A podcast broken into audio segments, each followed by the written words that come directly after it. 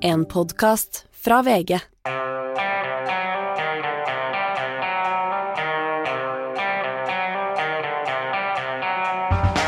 Ikke visste jeg at alle disse dagene som kom og gikk, de var selve uke 50.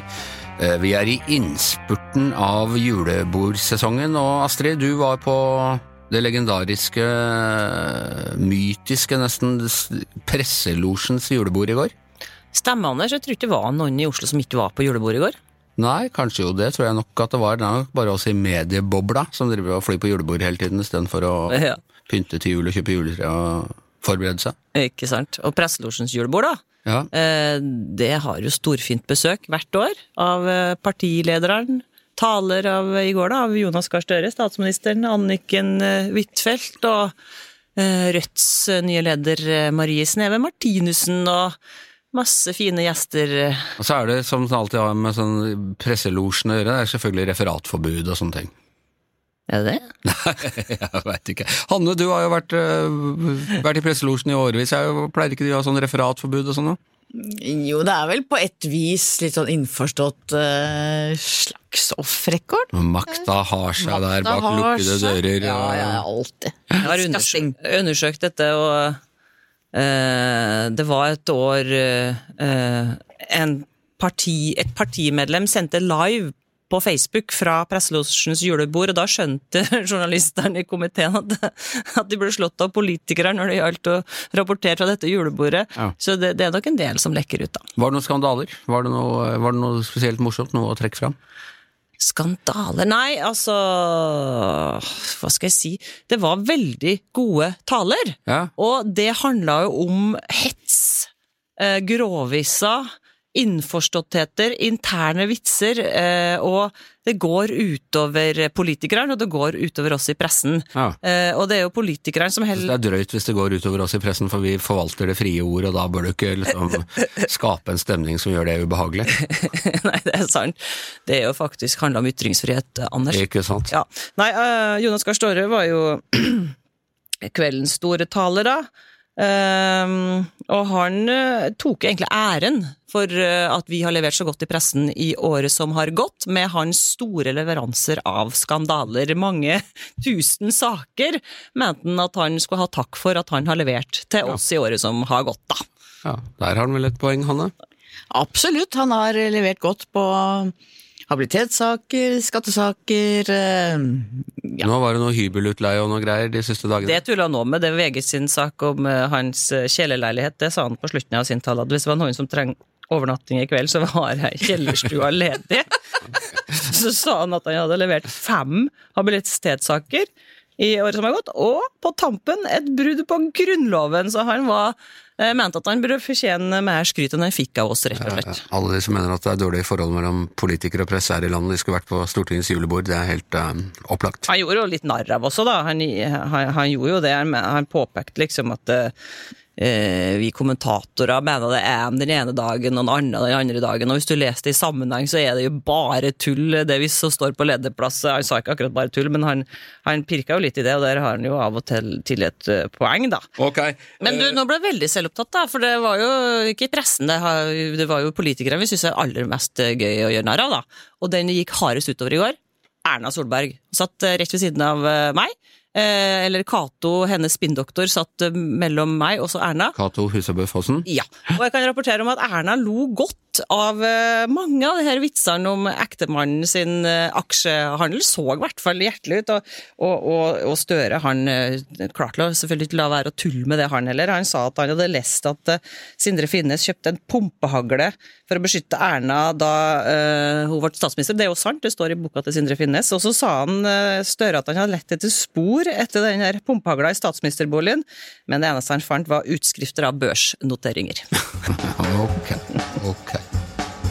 Det er stadig våkne våknet til litt sånn dramatiske utenrikspolitiske nyheter. Var, forleden var det at eh, Zelenskyj var her, nå kommer det en delegasjon fra araberlandene eh, for å diskutere situasjonen i Midtøsten. Og eh, Ungarn, Viktor Urban i Ungarn har klart å blokkere hele den eh, bistandspakka til Ukraina som EU var eh, klar til å vedta, Hanne. Dette er, dette er helt sånn USA og Kongressen, dette her. Ja, det er USA og Kongressen, og det er snakk om veldig mye penger begge steder, så det er alvorlig, veldig alvorlig for Ukraina. Med, som du sa, Zelenskyj var jo her en uke her, men det vi kan by på er jo småtteri i forhold til disse store pakkene. Og øh, viser ikke dette EUs avmakt, hvor håpløst det er øh, å skulle se på EU som en sånn arena for internasjonalt samarbeid? Nei, Nei. de gjør faktisk ikke det. Nei. Eh, Det er klart at de, de vil komme frem til en løsning, og det som skjedde også på et møte som var veldig viktig, var at de nå åpner medlemskapsforhandlinger med Ukraina, og da avstår jo Viktor Rørban fra å stemme, han blokkerte ikke det. Og så tror jo alle at de kommer til å komme til en avtale hvor også de kommer til å få Orban om bord, tror vel de fleste nå.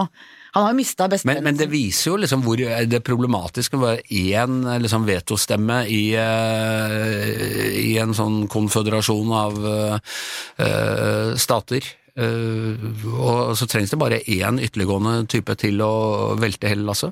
Absolutt, men samtidig så har jo da EU på andre felt etter hvert liksom gått bort fra konsensusprinsippet, som nettopp er det at én kan ha veto, og funnet andre beslutningsformer. Og de har jo etter hvert noen sånne omveier rundt dette. Så det tar jo ofte tid i EU, men de pleier å lande godt til slutt. Og jeg tror de også kommer til å lande godt. Det gjorde de i Kongressen i gamle dager òg, men det er det slutt på.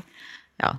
Men uh, Orban har mista sin eh, bestevenn i Polen nå. Nå er, har Polen fått, får en ny regjering som ikke er en sånn versting som Orban er. sånn eh, vi må jo håpe at det også svekker Ungarn og Orban.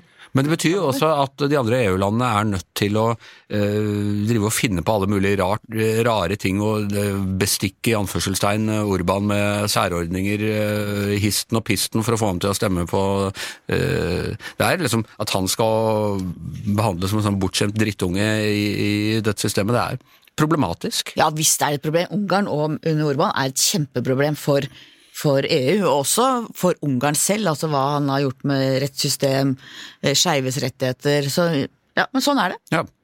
Jeg var på julebord i går, jeg også, i en litt mer eh, aldersstegen forsamling. Bare menn. Eh, Herrelag? Et herrelag, godt gammeldags herrelag, som var sånn som vi drev med det forrige årtusen, egentlig. Og, eh, men der snakket jeg med en som jeg vil si har god greie på EU og sånne ting, og så blir det, er han spurt på, litt på fleip, blir Norge noen gang med i EU? Og så sier han ja, i 2030. Og grunnen til at han mente det, var da Norges svake valuta. Mm. Etter hvert ville tvinge oss inn i et valutasamarbeid som igjen da ville føre til en full eh, integrering. Ja, Det er interessant hvis det er det som blir enden. for tidligere så var det jo, under forrige EU-kamp så var det mange som mente at problemet med å gå inn i EU var hvis vi måtte koble oss til euroen, eller da den kom, at det var et problem. Ja, og. Danmark og Sverige stilte seg utafor og Ja, og fordi at vi har en helt motsatt økonomi med at det er, vi er avhengig av olje, vi er en råvareeksportør, mens nå er det litt annerledes, også for at nå har vi det meste av pengene våre i et fond, så det argumentet har blitt mindre vektig nå. Ja. Hvis det blir sånn at euroen er argument for å gå inn i EU, så er liksom alt snudd på huet. Men det er litt kult da, hvis det blir sånn. Vi kan si at både han som sa det og jeg er pensjonister i 2030, så vi trenger ikke å stå ansvarlig for den eh, spådommen, så det kan jeg trygt bare underskrive på. Men det er lov å håpe, Anders. det er lov å håpe. Det syder og koker i jeg holdt på å si, julegrøten i mediegryta i Oslo-gryta, og det er klart for eh, mediebobler. Og velkommen, eh, Gard Steiro. Tusen takk skal du ha, Anders. Vi pleier jo alltid å ha litt sånn eh, blikk på oss selv, eh, tillater oss det den med det interne navnet mediebobler. I dag fredag er det litt overskrifter om VG og eh, nedbemanning i VG og, og stillinger og sånn. Ja, Vi har nettopp kommet fra et allmøte. Det var et, var et spesielt allmøte. Vi har jo jobbet en stund med en omorganisering av VG, og det gjør vi fordi at teknologien utvikler seg, og mediebransjen utvikler seg, og det er veldig mye som endrer seg, så vi er nødt Enhver medieorganisasjon og en redaksjon må, må, må stadig utvikle seg for å, være, for å klare å være relevante for publikum. Så det var det ene vi presenterte i dag. Men så sa vi òg at vi må eh, spare penger i 2024 og inn mot 2025. Så vi, vi, eh, og det skjer først og fremst fordi at inntektene fra papiravisen er blitt mye mindre. Eh, Det skjedde noe etter invasjonen i Ukraina, sant, der inflasjonen startet. Så, så Har vi preger begynt å ha Putin på forsida hele tiden? ja, men det som skjer da, er at, uh, at utgift Altså, det er jo ikke de journalistiske utgiftene alltid til å gi ut en papiravis som er utfordringen, det er jo utgiftene til å få kjørt ut avisen, til distribusjon og til trykk og til papir, og de kostnadene våre økte veldig. Sånn at vi mistet veldig mye inntekter fra papiravisen, eh, og de tror vi ikke kommer tilbake. Det tror vi er en varig endring. Så derfor har vi sagt at vi må bli færre i VG, og vi har sagt at vi er ved 18 årsverk som skal bort i VG. Det er, det er et veldig tøft budskap å bringe til redaksjonen, og jeg skulle ønske vi slapp det. Samtidig så er antallet er litt mindre enn jeg egentlig fryktet for, for et halvt år siden, så jeg håper vi Det er noe à la sånne nedbemanninger vi har vært Jeg har vært gjennom noen her i mine år i VG. De som har jobbet i mediebransjen, har vært jeg har jobbet, Du har jobbet lenger enn meg, men har jobbet lenge, og jeg har vært gjennom veldig mange sånne runder. Uh, og, og, det er tøft, og nå er det jo sånn flere steder i mediene. NTB nedbemanner, og TV 2 nedbemanner, og det er flere steder der man må gjennom veldig tøffe runder. Så, så dette er ikke kritisk for VG. Det, det, det, det, er tungt, og det er spesielt tungt for alle som jobber her. Men dette er ikke noe katastrofe for VG og for journalistikken i VG. Den tror jeg vi skal lykkes godt med. Men det er klart det er et, et litt sånn alvorstegn kanskje for de som er veldig opptatt av journalistikk. Hvis når, når store medier blir svekket og får mindre ressurser, så er det jo egnet til, å, til at man må være litt obs på det, da. Men så har jeg en liten kjepphest når det gjelder sånn nedmanning i mediebransjen. Det er at, vet jeg hva som kommer. Ja, det er at vi, vi og, og VG er ikke noe bedre enn andre, vi blir jo veldig fokusert på det. Og det er fordi at dette står oss nært, at det er kuttrunder i TV 2 og i Dagsavisen og i, og i VG eller NRK. Så blir vi veldig opptatt av det. Og samtidig så omtaler vi sånn notisform at veldig mange andre store selskaper går gjennom enda tøffere omstilling og nedmanning. Så av og til så tror jeg at folk som leser oss, da, som kanskje syns vi blir litt vel nærsynte i disse omstillingene i mediebransjen. Ja, og Det er den lille balansegangen for oss å snakke om det her. Det er, det er alvor i VG, eh, og, folk er, eh, er, veldig opptatt av det. Samtidig så er det ikke, kanskje ikke så mye å si for eh, våre brukere og lesere. Nei, det tror jeg det, det, tror jeg, det skal vi gjøre alt vi kan for at brukerne ikke vil merke noe kvalitetsnedgang som følge av dette. Men jeg tror, jeg tror alle medier, om det er VG eller det er TV 2 eller det er lokalaviser, må være, bli spisser og prioritere annerledes framover. Fordi at rollen vår endrer seg òg, og forventningene til oss endrer oss. Vi er, nødt til å, vi er nødt til å gjøre ting annerledes hvis vi skal fortsatt spille en rolle i samfunnet. Forandring er verdens gang, sa din forgjenger. Eh... Og det, Jeg siterer han så ofte jeg klarer. ja, ikke sant. Det var altså Bernt Olufsen som kom opp med det med, uh, under en eller annen sånn omstrukturering av VG. Du, uh, den saken som kanskje har uh, hatt størst offentlig interesse som VG har kjørt på denne uka, det er den vi hadde i går. statsminister Jonas Gahr Støre måtte skatte ekstra. Kjellerstua han skulle disponere eksklusivt ble lånt ut. Og det er altså ja, det er en balansegang for en familie som da flytter ut av sin egen bolig, inn i tjenesteboligen i, uh, bak Slottet i Oslo, statsministerboligen. Og så for å kunne beholde sin gamle bolig, så må de skatte Ja, det, det, det altså, nå er den Altså, dette kommer litt i kjølvannet av hele pendlerboligproblematikken, og der er det jo eh, mange, mange stortingsrepresentanter som har slitt med å forstå de reglene, og der har det jo vært mange saker. Det har vært gitt mange rare råd og ja, sånne ting fra statsministeren statsministerens kontor. Og så er jo representasjonsboligen som statsministeren eh, bor i, den er litt spesiell. Men, men også, eh, det er òg regnet som en fordel å bo i representasjonsboligen. Så for at du ikke skal måtte fordelsbeskatte det, så er det noen krav. Og det er, Da Erna Solberg bodde i representasjonsboligen, så sto hennes uh, hus i, uh, på Skjold i Bergen, det sto da tomt. Så kravet er at du må disponere en egen bolig, og så må du ikke ha noe fordel av den boligen. Og I Støres tilfelle så har, da han flyttet inn i representasjonsboligen, så flyttet hans sønn og hans familie inn i hans enebolig på Ris. Eh, men for, for, da å unngå at det skulle være noe fordelsbeskatning av dette, så måtte da Støre disponere deler av denne boligen sjøl. Og da har han disponert kjelleren i det Han og hun har disponert kjelleren i boligen. Og det, det, er for så vidt eh, det, er et spørsmål rundt det òg, men så har det skjedd det at eh, denne kjellerleiligheten som da Støre disponerer, den har blitt lånt ut til et annet ektepar, så da må han betale I en kortere periode. I en kortere periode, så da må han betale litt, da må han skatte av det. Så det har ikke skjedd noe ulovlig her, men det noen kritikere vil si, at dette er på en måte en tilpasning, da, at, at dette, dette, strider mot intensjonen i regelverket, måten familien Støre har ordnet dette på. Ja, Men det har vært en, da over, var det to måneder det var snakk om? at de hadde... Ja, denne beskatningen, det er to eller tre måneder, tror jeg, som han da må, må betale ekstra skatt av.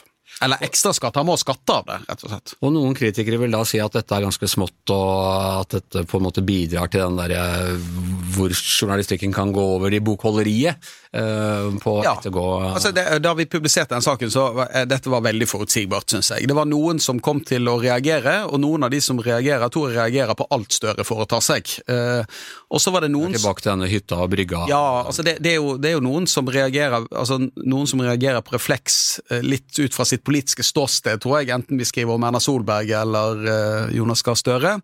Og så er det noen som syns dette er en interessant på sånn er dette en tilpasning, er dette riktig at det skal skje på denne måten, mens noen sier at dette er helt innenfor regelverket, så dette er ingen sak.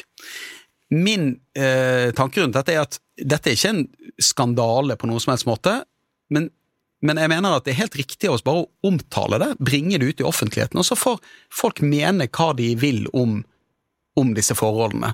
Men vi har jo et særlig ansvar for å følge med, mener jeg, de folkevalgte og deres disposisjoner, og særlig statsministeren. Så jeg, vi, jeg syns det ville vært veldig rart å ikke, eh, ikke omtale det.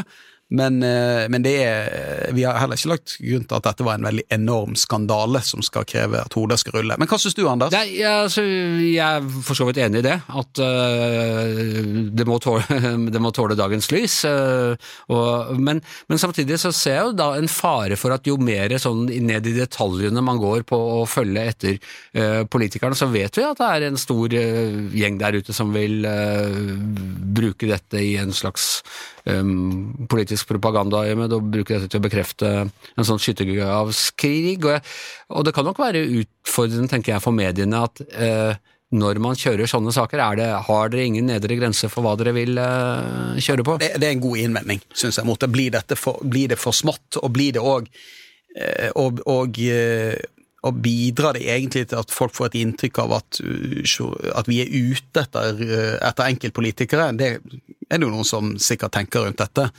Eh, Jeg syns denne saken er litt spesiell, for den, den, gjelder statsministeren, den gjelder representasjonsboligen. Det er ikke, dette er ikke Hvis dette var en uh, dette er ikke en hvilken som helst politiker, en hvilken som helst pendlerbolig, for å si det sånn. Det er en veldig spesiell sak. Så, så da vi diskuterte, så tenkte vi dette bringer vi ut, uten å, uten, og så skjønte vi at dette kom til å bli ulike, ulike meninger om.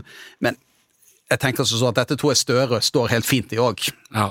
ja. Har du snakket med ham? Han, Nei, det har jeg ikke. Astrid har, fortalte deg før tidligere i sendingen at Ja, han, han fleipa med det på julebordet. Ja, det tror jeg òg, men det er ikke det er en, Og han har jo har kontaktet skatteetaten, men det som jeg selvfølgelig kan diskutere, er dette på en måte, er det riktig, er dette måten det skal være på, er, og er den disponeringen liksom i strid med intensjonen, som noen skatteeksperter mener det er. Ja. Og det tror jeg eh, Vi må ikke være så redde av til for å ta disse diskusjonene bare offentlig, og så får man mene det man vil om saken. Det er jo litt forskjellig hvordan forskjellige politikere reagerer på dette her. Jeg, en jeg kjenner, jeg kjenner godt, tok jo, kom forbi da Støre ble øh, kontrollert i trikkesniking øh, for en del år siden, og, mange var oppbrakt over at man lagde sak på det, men Støre selv var veldig sånn at nei, dette må jeg tåle å bli etter godt på. Det tror jeg, Når du er statsminister i Norge, eller hvis du er statsråd i Norge, så må du tåle Eller må du ikke tåle, men du må håndtere det aller meste. Og så er det klart at det er jo det, altså det er politikere, det har, jeg tror jeg har sagt i denne podkasten tidligere, at det har jo vært saker med folk som jobber i politikken, som har gjort feil, som òg har fått konsekvenser til med, fått bøter for ting, som vi har latt være å omtale, fordi at de har ikke en viktig nok rolle, og forholdet er for lite. Så det, vi, jeg, tror, jeg tror de som lytter til denne podkasten, og andre som følger med den, skal vite at det legges bort ganske mange saker. Eh, Jeg aner ikke hvor mye vi ikke skriver om! ja, det, det, men det er klart at du må gjøre en vurdering, og da er jo rolle ganske viktig. Ja. Men det er jo for så vidt også en av konspirasjonsteoriene der ute, at man ikke skriver uh, om hvor ja. Absolutt, men det er jo sånn at det er veldig mye mediene ikke skriver. Vi har, vi har grenser for hva vi bringer ut, og vi har et etisk regelverk som, uh, som vi skal forholde oss til. Det har vi. Og du, eh, og i den forbindelse, denne saken kunne vi egentlig ha snakket om forrige uke òg, men jeg har lyst til å ta den opp med deg. Eh, Jonny Vassbakk, mannen som ble utpekt som eh, mulig drapsmann for Birgitte Tengs for noen år siden. Eh, eh, nye DNA-bevis som gjorde at dette ble rettssak. Eh, han ble altså han ble først dømt i tingretten, blankt frikjent i lagmannsretten forrige uke. Og kortversjonen av spørsmålet mitt er har han blitt utsatt for den samme forhåndsdommen som man utsatte f.eks. Viggo Kristiansen for? Ikke i VG. Uh, vil jeg si. Jeg kan ikke si det, det kan ikke si det, det, er vanskelig for meg å vurdere alt som er sagt og skrevet om dette. Jeg har ikke lest alt engang. Men uh, vi, det snakket vi om i starten, da han ble, da han ble pågrepet. Og du skal huske at han ble siktet for, uh, for drapet på Birgitte Tengs, men han ble også trukket inn i denne Tina Jørgensen-saken. Og der snakket vi om det. Nå må vi være nøye her, sant, i denne saken her. Vi må belyse saken skikkelig, belyse òg argumentene som taler til hans gunst og ugunst. Så jeg mener at han er ikke forhåndsdømt i VG, og jeg syns òg at vi det har vi jo faktisk fått litt kritikk for. Det var noen som mente at vi la for mye vekt liksom, på forsvarernes argumentasjon under rettssaken. Det mener jeg vi ikke har gjort. Øh, jeg mener at det var helt nødvendig, og det har jo vist seg at det var riktig av oss å gjøre. Men det er noen som sier det at hvis du identifiserer, så forhåndsdømmer du, og det er jeg veldig uenig i. Jeg mener at når vi identifiserer, så handler det veldig mye om sakens alvor, og hvor spesiell saken er. Og det fins veldig få drapssaker som er så spesielt som Tenk-saken, og da mener jeg at her må man være åpne. Mediene skal være mest mulig åpne. Så er det argumenter mot å identifisere. De, de ser jeg, og de er gode. og Mediene gjør ulike vurderinger, men jeg mener i VG at i en sånn sak som det, så har vi en linje der vi identifiserer i de, i de mest alvorlige sakene. Haugesunds Avis og, flere andre mer uh, lokale uh, medier har da ikke gjort det. Ja, og det, og det er Identifiseringsspørsmål er vanskelige. Og det er òg sånn at mediene har en ulik linje i dette, og det, det, tror jeg er bra, for det bidrar til en ganske sånn sunn og riktig debatt om dette, at man ikke alle legger seg på samme linje. Men jeg pleier å minne om det at når det gjelder rettsstaten, så er åpenhet veldig viktig. Og det er òg sånn at vi som samfunn har på en måte krav på å vite hva som skjer i, eh, i de mest alvorlige straffesakene. Hvem som blir dømt, og noen ganger hvem òg som er tiltalt i de mest alvorlige straffesakene. Men det må ikke være sånn at når, hvis VG eller NRK eller TV 2 eller Haugesunds Avis identifiserer noen, da, at man da sier ja, det betyr at vedkommende er skyldig, for det betyr det jo ikke. Uh, Jon Christian Elden, som var uh, bistandsadvokat for foreldrene til uh, Birgitte Tengs, han hadde en formulering da dommen falt om at her er det en del aktivister som har vært så opptatt av å frikjenne Han er jo formelt frikjent, fetteren til Birgitte for lengst, men, men uh, han i denne saken, og så har de forhåndsdømt en annen person i forbifarten.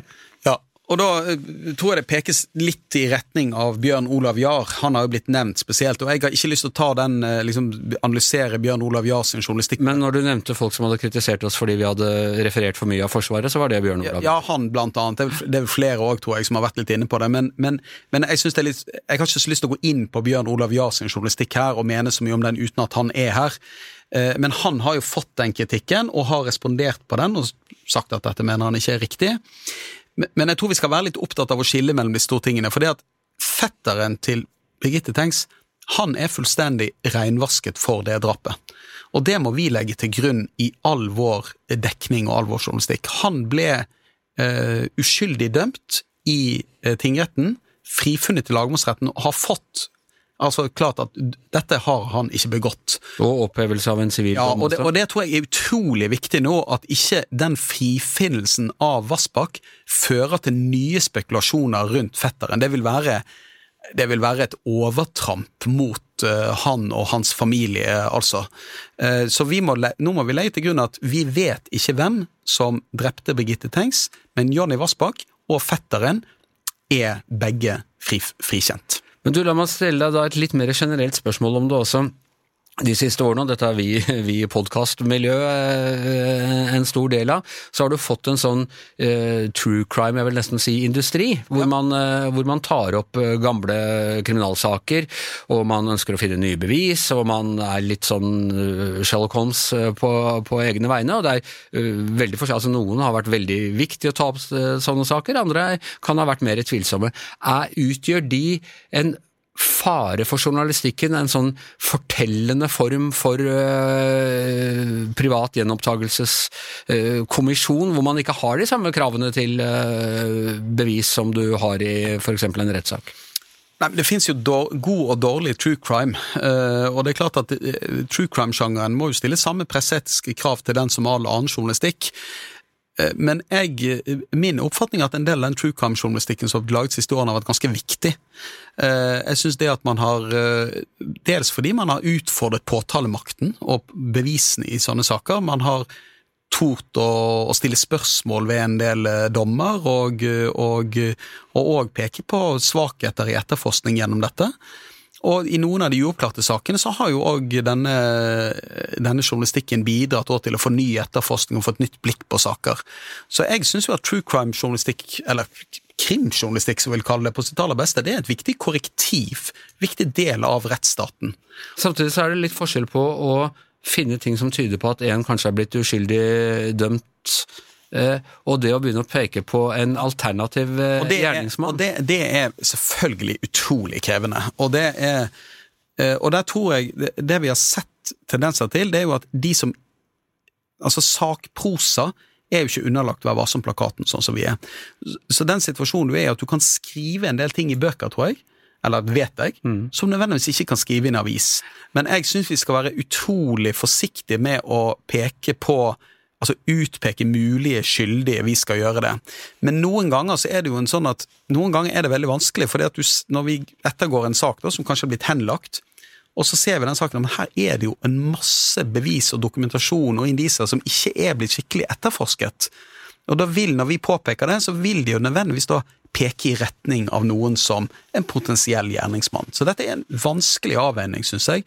Men vi kan jo ikke la, ikke la være å gå inn i saker der det potensielt er blitt begått feil, fordi at vi da står Fordi, fordi at det kan skape en usikkerhet, sant. Nei, og dette, Det var jo da tilfellet for Jonny Vassbakk. Det var eh, Man tok opp uh, ting som hadde pekt i, i, hans retning, og nå er han altså frikjent. Vil han nå, tror du, gå til noen store erstatningssøksmål mot uh... Det vet jeg ikke. Forsvarerne har vel sagt at det kan komme en, komme en, en eller annen form for reaksjon på dette. Eh, og jeg vet ikke helt hvor de retter det, om det er mot VG eller mot forlaget eller mot andre, det, det vet jeg ærlig talt ikke. Eh, jeg, jeg, er ganske trygg på den presseetiske begrunnelsen for å identifisere han. Eh, men, jeg, men, det er godt mulig det er blitt laget noe journalistikk rundt her som ikke står seg i ettertid. Det har ikke jeg fullstendig oversikt over i alle medier. Så jeg syns men, men det er klart at du må kunne ha flere tanker i hodet samtidig. Det er klart at det var en enorm belastning for Jonny Vassbakk å bli siktet og bli identifisert av mediene. Det er jo ikke sånn at det, vi ikke forstår at det er en belastning.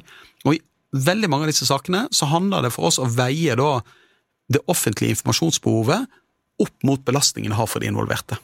Og det er de, noen av de vanskeligste vurderingene vi gjør. Det kommer muligens en ny sak opp mot Jan Helge Andersen uh, i Baneheia. Hvis man ikke velger å ta ut tiltale der, har mediene gått for langt i å forhåndsdømme han? Igjen, Jeg har ikke oversikt over alt som er skrevet, men det er klart at det som skjer i Baneheia-saken, er jo at når den saken blir gjenopptatt, så settes det i gang en ny etterforskning, og da dukker det jo opp nye funn, spesielt på DNA som jeg mener må omtales. Samtidig har da altså Vassbakk-saken vist at disse DNA-bevisene er ikke så Ja da, det, det er klart, det, men, men, igjen, her òg er det liksom Denne Baneheia-saken er jo minst like spesiell og alvorlig som Tenk-saken. Eh, så, så, jeg tror det at hvis mediene har latt være å omtale de, de funnene og de nye DNA-bevisene, så ville jo òg det vært et overtramp mot Viggo Kristiansen hvis vi ikke hadde omtalt, uh, omtalt det. Så, så, jeg tror her at nøkkelen er å være transparente og åpne om dette, men samtidig ta alle mulige forbehold i dekningen. Da har vi vært så transparente som eh, vi klarer eh, på denne fredagen, og med de rette forbeholdene får vi håpe. Eh, Alltid litt vanskelig når vi snakker om disse tingene, Gard. Jeg merker når du går inn i et landskap hvor du liksom må holde litt mer igjen fordi du skjønner at alt du sier kan bli brukt mot deg. Ja, eller det, i hvert fall, jeg synes det, det som er ofte vanskelig, er jo å, å, å kommentere andre mediers journalistikk. Sant? Og det har jo jeg òg erfaring med sjøl, at jeg, det er jo sjelden jeg blir så irritert som når jeg hører andre snakke om VGs journalistikk, og der jeg enten ikke får mulighet til å svare, eller at jeg mener at de ikke forstår hele bildet. Eh, Men så tenker jeg sånn, sånn har alle politikere, alle i næringslivet og alle, sånn har de det alle sammen. Så det har, bare, det har vi bare godt av. Det var som eh, tidligere generalsekretær i Norsk Presseforbund Per Egil Kokkvold pleide å si, det er en risikosport å bli intervjuet av norske journalister. Og med det så er Giæver og gjengen over for i dag. Tusen takk til eh, Hanne Skartveit, tusen takk til Astrid Mæland, tusen takk til Gard Sterro. Jeg heter eh, Anders Giæver, og mannen som eh, sørger for at vi tar de nødvendige forbehold samtidig som vi er passe transparente, er vår produsent Magne Antonsen. Du har hørt en podkast fra VG. Ansvarlig redaktør, Gard Steiro.